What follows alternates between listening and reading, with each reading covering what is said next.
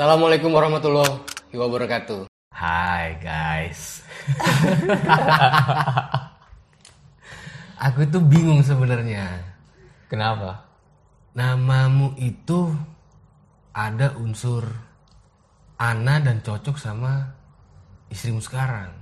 Agus Trial Tri Agus Triana Zailani. Triana Zelani. Istri saya Ana, Agustina. Nah, panjangannya kan Triana berarti. Ana Agustina Zailani gitu ya. Iya kan? Bener kan? Bulannya sama. Bulannya sama. Sama-sama Bulan? Agustus. Sama-sama Agustus. Oh. Lahirnya sama. Untung bukan Agustina Zelani ya. Jauh dong. Tria Zelani dikenal di dunia Di siaran. dunia siaran nama Tria Zailani. Berapa tahun mulai siaran? 2000 eh iya Eh, 2000. ya? mulai belajar siaran itu dari 2006. Ah, Itu masih dari eh, radio-radio gelap. Masih zaman di kamar. hitam ya. Iya, nggak gelap begitu maksudnya. Yang ya tidak resmi lah. Masih di zaman di kamar. Ilegal. Ilegal. Biar ilegal ya Anda ya. Ya, ilegal dong. Tapi justru dengan seperti itu saya bisa kayak sekarang. ya tapi memang rata-rata karena hobi kan Iya. siaran tuh. Jadi eh, di beberapa segmen kemarin tuh rata-rata mereka ada yang memang dari dunia-dunia gelap radionya. Iya. Berangkatnya memang dari hobi. Karena karena kita udah senang, jadi eh, urusan uang itu nomor sekian. Yakin. Dulu. Dulu. Kalau dulu gitu. Saya saya dulu sampai rela tiga, tiga bulan nggak dibayar apa-apa. Hmm. Radio gelap apa tuh udah masuk resmi? Udah mulai masuk resmi. Itu namanya Radio Jingga. Jingga di Di, di, di Singaparna, Kabupaten Kirim Tasikmalaya. Singapura, Singaparna, Kabupaten itu di luar. Nagreg. ya jadi jadi tiga bulan siaran di situ dan memang eh, tidak dibayar apa pun selama tiga bulan. Setelah tiga bulan baru dapat gaji. Menderita ya. Enggak juga sih, karena seneng. Seneng ya. Karena seneng. Bela-belain siaran subuh lagi bulan puasa eh, jam satu malam berangkat jam 2 on air sampai jam 4 Jam 4 subuh. Karena Jam siaran 4 subuh sore. bulan puasa, bulan puasa, ya kan? Tahun berapa tuh? Itu eh, 2010. 2010. Lulus SMA atau Lulus SMA 2008. Nah, 2008 dua tahun nganggur? enggak, jadi dua Santai dong. jadi belajar itu 2000 2006 itu udah mulai mulai Siaran. awalnya si kakak. Oh, kakak kakak kakak tuh bikin radio di rumah, radio eh, ilegal seperti itu yang hanya sekampung. Ngeliatin ini kayak orang gila ya ngomong sendiri, ketawa sendiri, tapi lama kelamaan jadi suka. Awalnya bantuin cuman gulungin ini kaset. Muter-muter masih kaset. Iya, masih putar Pakai- pakai pa- pulpen. Ya. Pakai pulpen. Kok seru ya gitu kan dengerin masih zamannya atensi Kertas, kertas kecil. kecil, gitu kan ditulis yang Itu tulisan- SMA ya? itu SMA SMA SMA, SMA oke. iya karena lulus 2008 Berarti dulu jualan kertas atensi juga. jualan 1003 1003 jadi ke sekolah bawa itu. Hmm. ke sekolah bawa itu nih jualan nih gitu kan. Dapat penghasilan. Misalnya dari eh, kakak saya 1000 saya jual 1500 Dari radio ilegal, dunia istilahnya dunia gelapnya radio lah. Dalam artian tuh merakit sendiri. merakit sendiri. Belum ada izin. belum. Antenanya bagus Pakai bambu. panci Dulu aku pernah loh ngelihat itu pakai lampu. lampu Iya, jadi ada bambu, Uh-uh. kemudian lampu. oh ya itunya ya apa kayak corongnya gitu ya ya ya ya ya, ya. Dan lampu itu menandakan kalau radio itu on air. Oh gitu. Kalau nyala berarti on air. air, oh kalau dulu. kalau saya dulu nggak nggak nggak ada lampunya mas, tapi dari eh, pokoknya ada ada tutup panci aja, udah itu. Dan Kre- itu kreatif kan? kreatif, kreatif banget. Berarti dulu, dulu memang eh, tahun 2000-an ternyata masih ya 2006. 2006, 2010. 2010. Radio itu memang menjadi suatu hal yang apa ya menjadikan inspirasi juga kan. Banget. Hobi tapi bisa menghibur orang. Hampir setiap orang namanya kalau didengar di radio, radio, disebut itu bang satu kebanggaan. Betul. Dan dulu tuh kalau zamannya atensi kita eh, bener-bener nungguin jam. Kan kalau di atensi ada tulisan diputer dibacain jam segini gitu kan. Acaranya ini. Jadi kita tuh bener-bener dari jam segitu eh misalnya jam 4 sore kita tungguin tuh. Oke. Atensi kita tuh entah dibacain atau tidak kita tungguin. Oh. Kalau dibacain cuma satu lembar aja bahagianya minta ampun. nunggunya uh mah kapan punya aku datang ya Iya. kapan punya aku dibacain ya Iya. pasti gitu kan Pasti. itu itu apa ya? eh, dunia radio zaman dulu tuh iya sih eh, euforianya beda. 2010 mulai siaran di profesional di Radio Jingga Eh dua ya 2010 tuh di Radio Jingga. oke langsung sebagai announcer Langsung sebagai atau announcer aja. operator dulu atau apa Langsung announcer.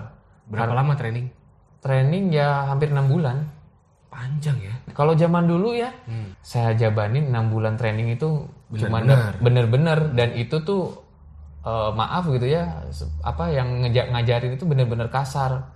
Kita tuh di sampai ada kata-kata, "Ih, kamu goblok segala macam." Tapi itu bak jadi jadi Motivasi. motivasi buat saya gitu kan. Loh, sekalinya alhamdulillah sekarang saya bukan siapa-siapa. aku pengen tahu background waktu di dulu di asli mana sih Aslinya Tasik, Sing- Singapura apa Singaparna dong. Singapura masuk ke Balikpapan atau Kaltim masuk Ke Kaltim itu tahun 2011 akhir. Perubahan budaya gimana tuh apa yang kamu lihat pertama Pertama, eh, jujur saya nangis. Loh, nah Karena nggak pernah ke mana-mana. Paling jauh tuh ke Jakarta. Bayangin dari Tasik ke Jakarta saja. oh Nggak pernah merantau jauh. ya Tahu-tahu ada tawaran eh, dari teman, kamu mau nggak katanya kerja di Kalimantan? hmm. Di apa di radio? Wah karena karena seneng kan. Hmm, hmm. Gajinya berapa? Terus apa aja yang didapat? Oh ya sudah. Oke lah, saya dilekan. Eh, kurang lebih tiga bulan saya eh, apa namanya menimbang-nimbang lah. Hmm. Baru nanya orang tua almarhum mama saya dulu, mah gimana kalau pergi? Mama saya sih cuma gini aja. Ya udah katanya, mama mah terserah AA. Yang penting kalau mau pergi silakan, enggak juga nggak apa-apa. Cuman ingat pesan mama satu, apa mah? Jangan lupa sholat katanya gitu. Hmm. jadi Ya, nangis nangis karena Bukan, jauh bukan. dari rumah Enggak, karena masuk hutan lewat Bukit Soeharto. Karena kan dulu Samarinda. Oh, masih Samarinda. masih bandara lama, masih bandara oke, lama. oke, oke. Masih bandara lama, turun, naik travel, Heeh. eh, sok-sokan kayak orang udah pernah di Kalimantan. ya. Masih inget zaman dulu berapa travel Samarinda? Kan biasa dipanggil kan mobil-mobil gitu. 100 100 80. Oh ya sudah naik, naik padahal belum tahu apa-apa. ya. Naik pergi sekalinya lewat Bukit Soeharto kan hutan ya. Jadi da- jadi pandangan saya zaman dulu Kalimantan itu adalah hutan. Karena betul keluar dari bandara kita ketemu hutan kan. Ketemu hutan. Pohon-pohon banyak lah ya. Pohon-pohon banyak, Ya, pohon-pohon banyak. Anggapan orang-orang di luar Kalimantan kan itu hutan. hutan. Padahal itu hutan kota sama aja. Ya, Tapi jadi- memang ketemunya hutan kan ya? Ketemunya hutan. Oke, jadi di situ udah wah salah pilih saya. Dalam perjalanan ya. Dalam perjalanan nih masih di travel. Waduh, salah pilih. Cuman pas ketika waktu itu habis nyebrang dari Mah- jembatan Mahakam, Ngeliat kotanya. ah udah mulai sumringah. Oh, sekalinya rame Jadi ya. dalam perjalanan tuh nangis. Enggak nangis, cuman merasa menyesal aja.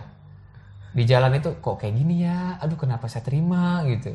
Padahal tiga bulan udah pertimbangannya ya. Udah tiga bulan karena teman eh, apa ya ngasih ngasih gambarannya enak. Hmm. Oh enak di sini tuh begini kamu pulang pergi naik pesawat karena belum pernah naik pesawat. Iyalah penduduk Singapura. Eh, Mau ke mana? Singaparna. oke masuk Samarinda. Mm-mm. Nah itu pergeseran budaya kerasa banget nggak? Banget. Yang saya kaget adalah lihat apa namanya kalau di sini tuh sanggar ya Oh pisang goreng. pisang goreng pisang goreng pakai sambal sambal kacang saya aneh saya nyobain langsung mules liatin orang kok enak banget ya cuman dalam pikiran saya kan pisang itu manis ya gitu Hmm, kok pakai kacang. kacang Kemudian nyoba lagi nggak? besoknya karena lapar Nyoba ya udah loba- nyoba lagi dan Udah akhirnya sakit perut? kebiasaan alhamdulillah Berarti udah diterima. udah diterima di kantin. sama yang aneh itu apa mandai mandai ya yang Oh, kulit kulit cempedak. cempedak Ya. Nah, kulit cempedak sama nasi Tapi akhirnya kan suka kan? alhamdulillah Kamu nyari kan sekarang? iya susah sekarang Bujang ya pada saat itu ya? bujang masih usia eh, 2011 21 tahun Hmm, sudah ngerantau. sudah ngerantau nggak pernah ke mana-mana Targetnya apakah apa ya membesarkan hobi atau memang sudah mulai cari cuan? udah mulai cari cuan karena di sana tuh dari 2008 lulus SMA kehidupannya cuman eh, yaitu radio tuh cuman hobi aja. Sisanya kerjanya tuh eh, di main bola. Oh, gitu. jadi main bola eh, hobi yang dibayar. Ya dibilang atlet bukan dibilang bukan atlet tapi main bola gitu dibayar Nah 2010 udah mulai mikir ngapain saya begini-begini terus. Eh, saya lima bersaudara, adik saya masih ada dua. Saya dituntut kuliah tapi saya nggak mau membebanin orang tua, nggak mau saya, nggak mau. Jadi ya udahlah gitu kan, mencoba aja gitu. Kenapa anda coba PNS di sana? Saya SMA lulusan SMA, saya tidak kuliah. Karena kenapa? Karena saya malas. Karena 2008 lulus sekolah, eh, dua tahun kemudian harus apa namanya? Ya. Harus kuliah tuh males gitu. Udah udah males aja gitu. Karena udah pernah dapat duit sebelumnya ya. Iya, udah udah nah zaman main bola dulu kan digaji satu juta setengah itu 2008 udah besar banget. Anak muda lagi kan. Anak muda Belum ada pegangan. belum. Makanya foya-foya. Foya-foya nggak punya pacar lagi. Ih. Berapa tahun jomblo itu? 2011 masuk Kalimantan. Berarti ya 2011 masuk ke Tambang ya, Radio Tambang ya. Radio Tambang Nah, di Tenggarong, daerah Separi. hmm. nah ngelihat alamnya sana gimana? Jujur kaget. Kalau kagetnya itu ya hutannya memang masih hutan alami, cuman kagetnya itu ketika masuk tambangnya. Kok hutannya diginiin ya? Emang kenapa? ya kan ditebang segala macam gitu kan udah nggak ada pohon di jalur di daerah tambangnya. Tapi kalau daerah mesnya bagus pepohonan masih banyak. Cuman kan kaget lihat alat segala macam. Kita yang dari kampung yang benar-benar cuman pakai sendal jepit terus kalau putus disambung pakai rapia gitu kan. Lihat unit gede-gede segala macam. Ada apa ya? Ada perubahan lah gitu kan. Oh langsung drastis malah ya. drastis. Apa dari Jawa eh dari Singa, Singapura, Singapura dari Singapura masuk Kalimantan langsung ketemu kayak gitu. langsung ketemu kayak gitu kaget Kaget banget lah. Ya. kaget banget Ngerasa sedih di situ nggak? sedihnya tuh sempet dua minggu masih di Samarinda Oke, sedih karena jauh dari orang tua. karena jauh dari orang tua Bukan sedih karena hutannya gundul. bukan sedih sempat dua minggu tuh nelpon kakak saya kak Mau balik. mau pulang Terus kata kakak saya gini aja kamu tuh cowok Ya, ngapain kamu nangis prinsip. "Eh, gini aja katanya "Gi- coba deh dalam sebulan kalau sebulan bener-bener kamu nggak bisa bertahan A sendiri yang beliin tiket kamu pulang oke bilang. Tah, saya terima tantangannya sekalinya masuk tambang betah Kenapa? Karena- malah, malah betah ke tambang ini aneh Karena ya. betah, kenapa? Karena fasilitas di tambang kita dibikin nyaman, lapangan futsal, lapangan segala macam. Hobi saya main bola, masuk lah ya. masuk. Gitu. Ditambah siaran di radio, Oh, dua-duanya dapat. dapet. Hobinya dapet, Tiga malah. tiga cuannya dapet. Malah delap, lang, abis dari situ 8 bulan nggak nggak pernah cut, nggak pernah pulang. Yang jatah cutinya itu dua bulan, jalan-jalan ke Balikpapan, cuti pertama. Ngerasain beda nggak sih? Kita siaran di tengah hutan, berarti kan cuma isinya pendengar kita orang-orang tambang kan? Iya. Itu pasti ngomongin tentang safety, Betul. gitu-gitu kan. Ngerasa ada perbedaan drastis nggak? Rasa secara aura, kenyamanan, terus keartisannya bakal hilang kan? Hilang, Hmm, itu gimana? Ngerasain banget berarti ya? drastis karena biasa kalau kita di radio komersil seperti biasa sampai didatengin ibu-ibu Hmm. Fans- fans radio kan? dibawain apa? banyak sampai zaman dulu masih zamannya pulsa Surat utang pun pernah dibawa. ojang Oh, pulsa-pulsa ya. pulsa. Jadi kalau zaman dulu kan eh, radio komersil dan segmennya eh, all segmen kan. Mulai dari lagu daerah lagu dangdut segala macam ada gitu kan. Jadi fansnya itu atau pendengarnya itu multi ya gitu kan. Hmm. Eh, banyak semua kalangan masuk. Sampai saya dikejar-kejar ibu-ibu Itu di di Singapura sana. Singapura. Singapura. di, di- dikejar ibu-ibu saking saking eh, apa Ngefans ya ngefans ya gitu. Karena dulu tuh ah, penyiar radio tuh artis Banget. Artis banget. Iya. Masuk ke tambang nih. masuk ke tambang yang eh, notabene mereka cuman mendengarkan tanpa ada interaktif. Itu berbeda. Iklannya juga nggak ada. Terus mulai pembelajaran baru. Flat dong. banget. Selama seminggu tuh asli nggak ada nggak ada Feel. nggak menemukan nggak menemukan. Feelnya pasti hilang. hilang hilang Tapi ngomong juga kan bukan produksian kan? ngomong-ngomong siaran seperti biasa cuman infonya in- lebih info keselamatan kerja Di- Oke bapak ini tolong ya pak. Ya. ya ya kayak gitu Untuk nomor mobil sekian tolong. siaran seperti radio komersil cuman infonya atau iklannya diganti sama info keselamatan nah itu berarti kan butuh adaptasi bro. Mm-mm. Adaptasi perubahan eh, gaya siaran, iya terus feelnya siaran. Butuh waktu berapa lama untuk adaptasi? Sebulan saya baru Buset. baru baru Ketemu. ketemu Karena eh, maaf gitu ya untuk orang tambang eh, bahasa juga jadi beda.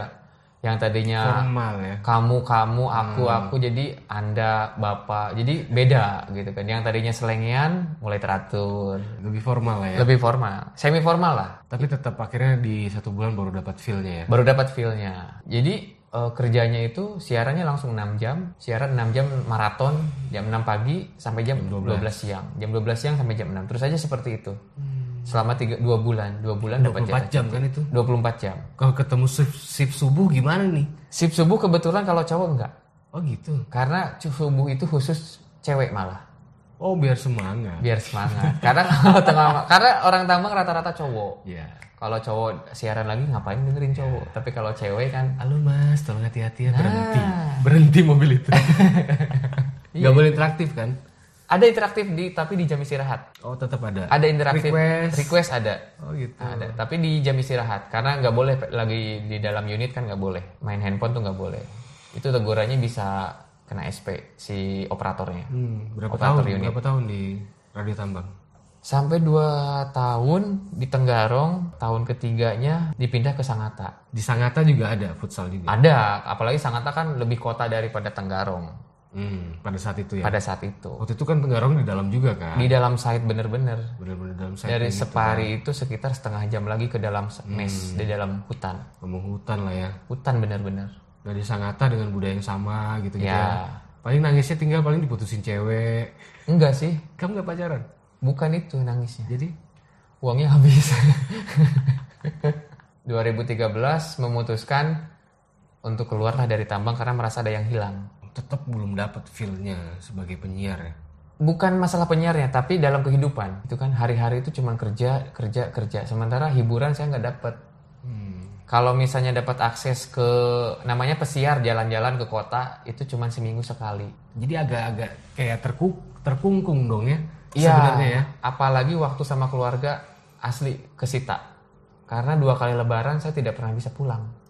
Hmm. Karena jadwal cutinya kan mengikuti. Jadi kalau di tambang itu hidupnya tidak mengenal ini tanggal merah, ini tanggal hari lebaran tidak. Kalau Oke, itu jadwalnya cuti ya udah Ikutin jadwal cuti ngikutin aja. jadwal cuti. Jadi saya dua tahun itu nggak pernah ikut lebaran di rumah gitu. Tahun Hmm. ketiga saya harus pulang karena saya bukan Bang Toyib. karena kalau Bang Toyib tiga kali lebaran. Kalau Bang Toyib di Balikpapan keren. Iya. Nah untuk nyatasi apa ya gemuruh hati lah, gejolak hati lah itu Iya, kan iya. gejolak jiwa itu gimana kamu bisa nahan sampai 2000 tiga tahun lah ya. Karena ngabisin kontrak kan, dua Itu tahun tuh gimana kamu kontrak. melawan gejolak hati itu? Ya itu eh, dengan cara olahraga aja, ikutin aja lah yang ada gitu kan, pasrah aja dulu karena nggak enak kan udah kontrak segala macam, profesional ya. profesional lah. Profesional menjaga etika Ya betul. perusahaan Karena datang dengan baik keluar juga harus, harus dengan baik. baik. Itu prinsip Betul. ya prinsip karena pesannya ibunya Jangan- rajin sholat. Janganlah jangan lupa sholat aja. Mau ke mana pun kamu kamu anak cowok silahkan. Itu aja. Prinsip agamanya yang kuat ya. Ya. Oke. Alhamdulillah. Kok jadi serius ya? Kamu sih. 2013 keluar dari tambang, berarti sudah merasa manusia bebas. Sudah. eh, Uang juga nggak Ada. ada tapi nggak terlalu banyak. nggak terlalu tapi banyak. bebasnya itu lebih penting ya. Iya, karena tahun ketiga tuh bisa ngerasain lebaran di rumah. Wah, itu bahagianya. Bahagia banget. Eh, Itu udah gimana gitu. Habis itu kan nggak balik lagi ke tambang kan. ah. Seminggu pertama di sana lebaran, alhamdulillah enak. Nah, setelah dua minggu lebaran baru bingung. Ngapain ya? Nganggur ya. Habis udah uang. Bekal masih ada, masih ada aman, Masih ada, masih ya? ada. masih Tapi ada. sendal jepit tetap diganti kalau putus ya. Tetap dong. Kirain pakai tali rapia lagi. Yang jelas daleman yang jelek tuh. Aku punya fotonya. Iya. Gak usah, gak usah detail ya. Aku cuma Jangan, mau, jangan. Enggak, aku cuma mau tahu Mm-mm. berapa tahun itu sudah. Aduh berapa tahun? Enggak, itu dipakai berapa tahun barang itu? Ih, selama ditambang Tiga dua tahun. tahun. Tapi nggak usah nggak usah banyak ya. Nggak usah. Aku enggak enak, terlalu vulgar. aku sampai tahu mereknya loh tuh bro. Apa merek? Sudah lah. Saya lupa. GT Man. Oh iya bener. Warnanya pink lagi. 2013 masuk ke radio profesional. 2013 eh, datang ke Balikpapan. Oke. Taunya ada tawaran dari kakak saya lagi gitu kan. Kamu kan udah pernah di Kalimantan. Hmm. Ini ada kerjaan baru nih di bidang ekspedisi gini gini gini. Kamu mau nggak ke Balikpapan? Boleh, eh, tapi belum punya gaji. Ya udah nggak apa-apa. Ya udah memberanikan diri. Akhirnya kembali ke Kalimantan. Kalimantan. Menjadi seorang ekspedisi. Ekspedisi di pelabuhan. Pelabuhan. Nah di ekspedisi pada saat itu berarti pure pekerjaannya ekspedisi. Ekspedisi. Hmm. Ekspedisi eh, dan itu baru belajar. Belum digaji belum apa, belum ngerti Kembali lagi ke nol ya. balik lagi ke nol. Kenapa mau kembali ke nol? Ya karena ya itu tadi tetap eh, masalah ekonomi kan. Kalau saya nggak kalau saya nggak bergerak, saya kerja Oke, apa? berarti kamu suka menikmati proses. Ya, Apa pun itu, apa pun itu jalanin aja. terus. Selama itu sesuai dengan amanah. Sesuai, ya, Yang penting jangan ketinggalan sholat. ya, gitu. Itu kan. Mm-mm. Oke, jadi memang proses itu kamu nikmati ya. Ya nikmatin aja. Berapa tahun bisa menikmati uang dari ekspedisi? Ekspedisi eh, mungkin dua bulan awal tuh belum dapat apa-apa. Hmm. Bulan ketiga baru ada sedikit-sedikit. Hmm. Itu juga dari orang yang eh, Tips. tips yang ngasih segala macam. Karena pengecekan unit, terima unit itu ada tips-tips ya 50, 100 lumayan lah. Belum dapat gaji loh ya gitu. Hmm. Jadi fokus sekarang ini di ekspedisi atau?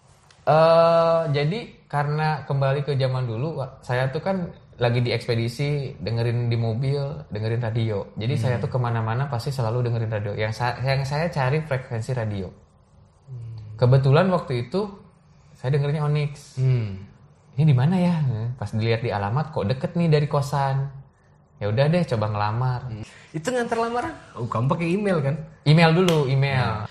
Jadi email, kirim sam- apa sampel voice segala macam, terus dipanggil, Eh, disuruh siaran. Ingat ke- dulu tuh ketemu sama namanya Mas Lian. Baru datang disuruh siaran. Besok siaran ya. Saya nolak, saya nggak mau.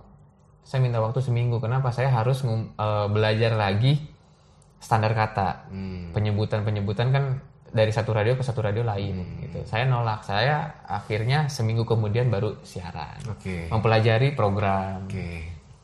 Itu Filmmu dapat lagi nih. dapat lagi masuk lagi dunia siaran Beda sama tambang. beda Oke, dan akhirnya kamu sekarang menjadi program director. Menempuh jang, waktu yang panjang kan? lama lama 2013 13 baru diangkat tahun lalu ya? Eh, 2000 2018 18. 2018 Sekitar lima tahun. sekitar lima tahun Hmm. dari seorang penyiar Dari seorang penyiar yang naik sepeda pernah digas juga kan?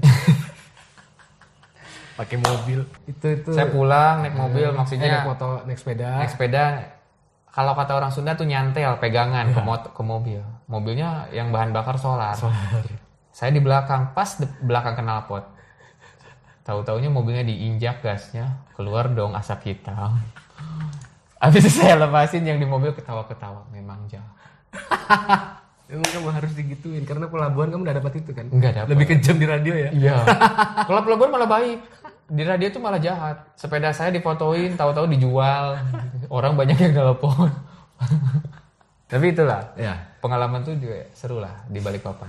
Aku dengar-dengar dapat pasangan dan dapat jodoh dari sini. Oh itu mah beda. Bener gak sih? Kalau itu yang mau jadi istri saya sekarang Ah katanya mantan. Mantan pacar. Iya kan? Iya dong. Kok panik? Iya dong. Langsung. Iya kalau kalau kalau sekarang eh, saya ada, eh, ketemu istri tuh dari dari klien radio. hmm. Awalnya saya ketemu Awalnya sih coba-coba. enggak juga. Awalnya sih dikenalin teman dulu. Ah ini nah ada yang ada teman saya jomblo lagi nyari suami. Oh gitu kah? Iya. Coba lihat zaman BBM. Hmm. Ih cantik ya. Ya udah saya apa sih namanya? Di add ya kalau di BBM. BBM tuh apa ya? Di invite Oh di invite, di invite. Invite pin kan? Invite pin. Ya. Invite pin. Habis itu saya dengan PD-nya dong. Hai, iya hai. Aku lagi di Iwok nih. Terus. Udah gitu aja. Habis itu kudelkon. Kudelkon. Semoga ini tidak menjadi bahanmu di rumah nanti ya. Enggak, tapi dia tahu, tapi Oh, dia iya, tahu, iya, dia iya. tahu. Kudelkon. Hmm. Dua minggu kemudian talk show. Oke. Kamu penyiarnya? Saya penyiarnya. Ya. Dia narsumnya. Hmm. Ngobrol gitu kan. ngobrol-ngobrol mbak yang kemarin nih sayang BBM oh iya iya gitu segala macam gitu doang. ya habis itu tukeran nomor HP Aku pernah sih sebenarnya tahu dari kalau nggak salah entah dari dia atau dari temennya ya. Heeh. Yang dicari sama dia itu apa sih karakternya? Aku tanya gitu kan. oh gitu Eh, yang penting orangnya suka olahraga. Hmm, Cocok. enggak ini beneran gak sih Beneran. oh iya kan Beneran. Jadi aku tanya, sukanya apa ya? kok jadi bapak yang lebih tahu Loh, saya ini host di Uncle Gali. Jadi saya telusuri dong. oke oke oke oke Ternyata oh cocok. Gitu kan. Akhirnya kamu jadi hostnya itu ya. Hostnya pada saat itu. Itu belum, masih baru kenalan baru kan? kenalan Bener kan? Cuman ceritain kalau aku yang kemarin BBM, tapi dia juga nggak ingat kalau aku yang BBM. Gimana ya Allah? Iya, iya benar, iya benar benar kayak gitu. Eh. Tapi setelah ketemu aslinya, ya malah jalan bareng. Iya, iya, iya. Besoknya janjian pantesan. naik motor kreditan. Dan habis itu kita diputus kontrak. Perjalananmu itu itu salah satu apa ya kalau aku bilang memang jalanmu di situ ya. Iya. Kamu sebagai penyiar, kamu sebagai eh, olahragawan, ya kan? Semua kamu jalani di saat yang sama kan? Jalanin da- Dan bersamaan. alhamdulillah ada hadiah dari situ. Ada. Berkah banget kan. Banget. Dia nggak tahu pada saat itu kamu ngelamar pakai sepeda ya. Jalan. Coba dia ngomong sama aku, kasih tahu kan anak tuh kayak gini. Ini anak ini udah punya apa-apa. Nggak itu bukan.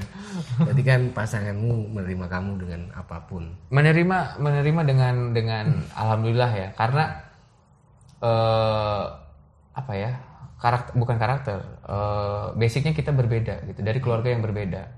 Ya budaya yang berbeda. gitu kan.